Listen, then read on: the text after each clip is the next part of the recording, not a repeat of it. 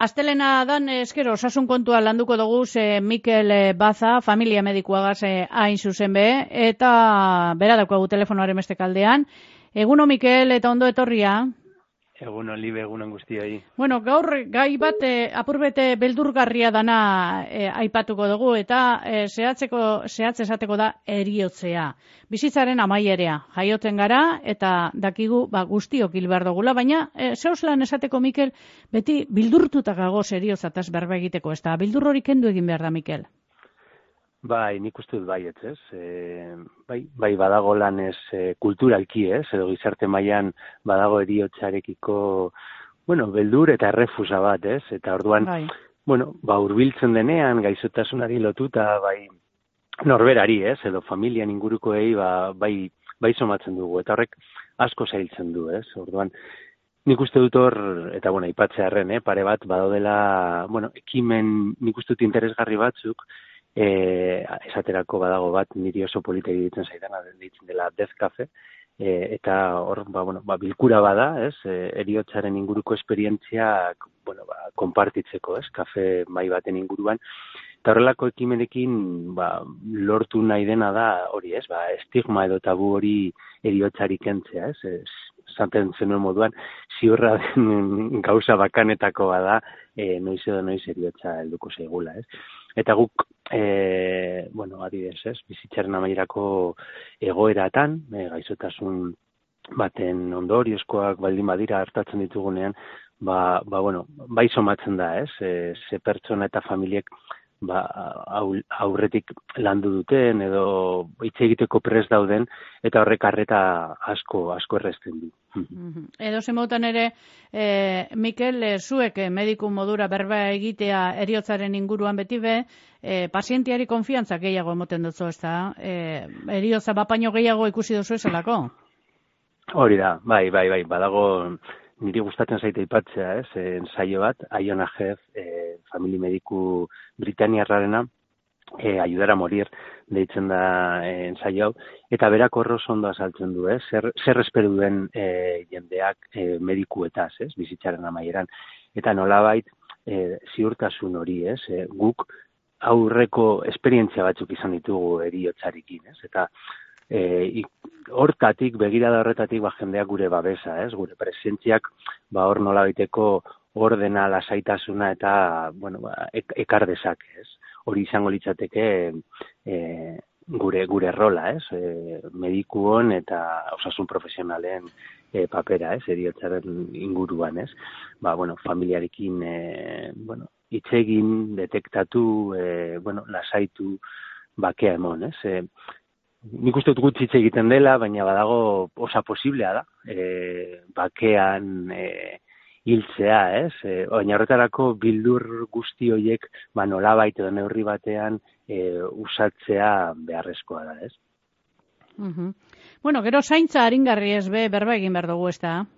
Mm Hori da, bai, e, e, hori, badaude gaizotasunean eta bizitzan e, goera batzuk, non helburua ez den e, sendatzea, ez? E, ni denok pentsatzen dugu eta gu horretan aritzen gara, ez? Ba, badaude gaizotasun batzuk eta gu saiatzen gara e, tratamendua tratamendu osagarria edo sendagarria ematen. Baina batzutan hori ez da posible, ez? Baina horrek ez du esan nahi abandono bat egon behar denik edo egongo denik, ez?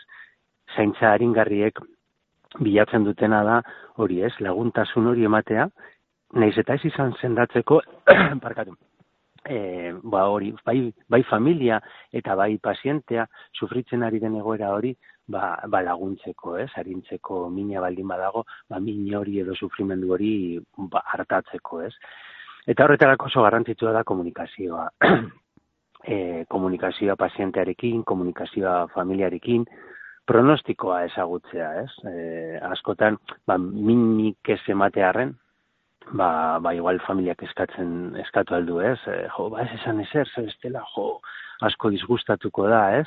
Eta horreman daiteke, ba, iziltasunaren zirkuloa edo, ez? Eta, dine, normalean norberak gaizo dagoenean eta gauza kondo ez bazenean, badaki, ez, gertatzen den.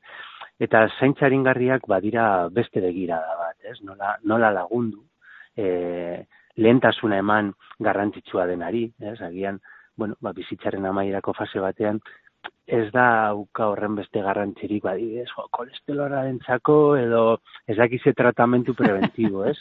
bai. Garrantzi, askoz garrantzitsuagoa da, baina hori mai gainean jarri behar da, ez? Eta denoko hartu behar dugu behitu. Hau da, ez? Orain, zer da garrantzitsuena? Ba, minik ez izatea, sufrimendua oroar, ez? Asketan, minak dimentsio asko dauzka, ez da bakarrik min zerbait fizikoa, ez? Ba, dauzka horre -huh. dimentsio ezberdin asko, ez? E, ba, psikikoa, espirituala bebai, ez? Hor, esan nahiak e, norbere bizitzari, ingurukoari, Dudan, bueno, eriotzaz eta ez, zer gertatuko den horretaz hitz egitea eta hor nik uste dut guk lagundu dezakegula, ze aurretik ezagutzen ditugu ba, pertsona hauek e, eta euren familiak etxetara joaten gara, eta, bueno, ba, oean, ez, e, zerita, hori da mediko de cabecera izango ditzotekena, ez, hortatik dator, ba, e, gaizoaren oe ondoan egote horrek, ba, bueno, ba, laguntasun horretatik, ba, itxegin dezakagu, ez, ba, nola ikusten duzu, e, nola sentitzen zara, zer gustatuko litzaizuke, zer badago ere, ez, itxiera biografikoak eman behar dira, eta hau lotu dezakegu bai doluarekin, ez, e, hau landu egiten denean, eta, bueno, ba, agur bat egon denean, e, amaiera harmoniatzu bat lortzen denean, ba, ba, bueno, ba, gero dolua errestu egiten da, ez? Baina hau beti ez da, tamales beti ez da horrela gertatzen, ez? E, eta horretarako nik uste ba, bueno, denok, denok ez, gizarte mailan eta, bueno, osasun sistematik ere, ba, bueno, ba, hildo hau gehiago jorratu behar dugu, eta, bueno, ba, trebatu behar gara guztiok, mm. eta, eta asko hitz egin behar dugu. Bai, bat ez bere, ba, bueno, ontxe, ba, batean egon aspentzetan, ez da, zeu esaten egon zanian, ez da bardine e, eriotza bat eia persona nagusia zarenean, eta, bueno, ba, bizitzak oso nosa maitu egin behar dugu, edo, istripu batetaz, ba, pertsona gazte bat hiltan mm -hmm. danean, ez da, istripu batetan. E, eriotza mota asko dago zentzu horretan, ez da? Mm Bai, hori da, hori da, ez? Ez dago, Nik esango nuke ez dagoela dolu... Ez, dolu bueno, hori da, dolu bardina, dagoela, hori, bakoitzak daukala dolu, mota, dolu bat, bakarra dena, eta eriotza bat bakarra, ez? Baina hor egia da, ez? Ez ustekoa denean, ba, ezin izan baduzu, ez? E, maite dituzun pertsonak agurtu, eta haiek zu agurtu, eta batzutan, ba, gauzak pendienteak egon daitezke, ez? Ba, mingarriagoa izan daiteke, ez? Eta kontrakoa, ez, batzutan, bueno, ba, bueno, ba, itxiera hori egon bada, eta gurrak, eta, bai, guk, guk ikusten dugu, ez, batzutan, hori tamales, ez da, ez da gehiengoa izaten, baina batzutan, bueno, ba, ematen da, ez, eriotza harmoniatzu hori, ez, bereziki, ba, etxean, e, hiltzea erabakitzen duten pertsonek eta familiek, ba, ez, pentsa zelako aldea, ez, ospitalean negotearekin, ba, zure familiak, zure oean, eh, zure, zure inguruan, ez, e, ba, ba, e, iltzearekin, ben ikustu badago aldea. Eh. Baina horretarako norbera eta familiare preste egon behar dute, guk hori detektatzen dugunean, ba, guk eh, aldugun guztia egiten dugu hori horrela izan dadin, ez? Uh Ez dut horrekin esan nahi, dinet ospitalean edo beste leku batzuetan, ezin denik ondo hil, eh?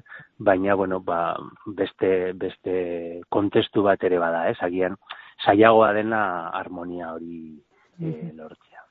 Bueno, hilarte bizi da, eh, honen inguruko tailer batzuk eh, mondira oindala gitxi be herri desberdinetan, eta, bueno, horren inguruan be, tailer horrek emoten da oasanakaz, eh, emoten da benakaz eh, berba egin dugu, eta eh, hori da, eh, izen burua ez da, hilarte bizi, eh, eh, Mikel, hemen txitsiko dugu, eta jarraitu egingo dugu, bai?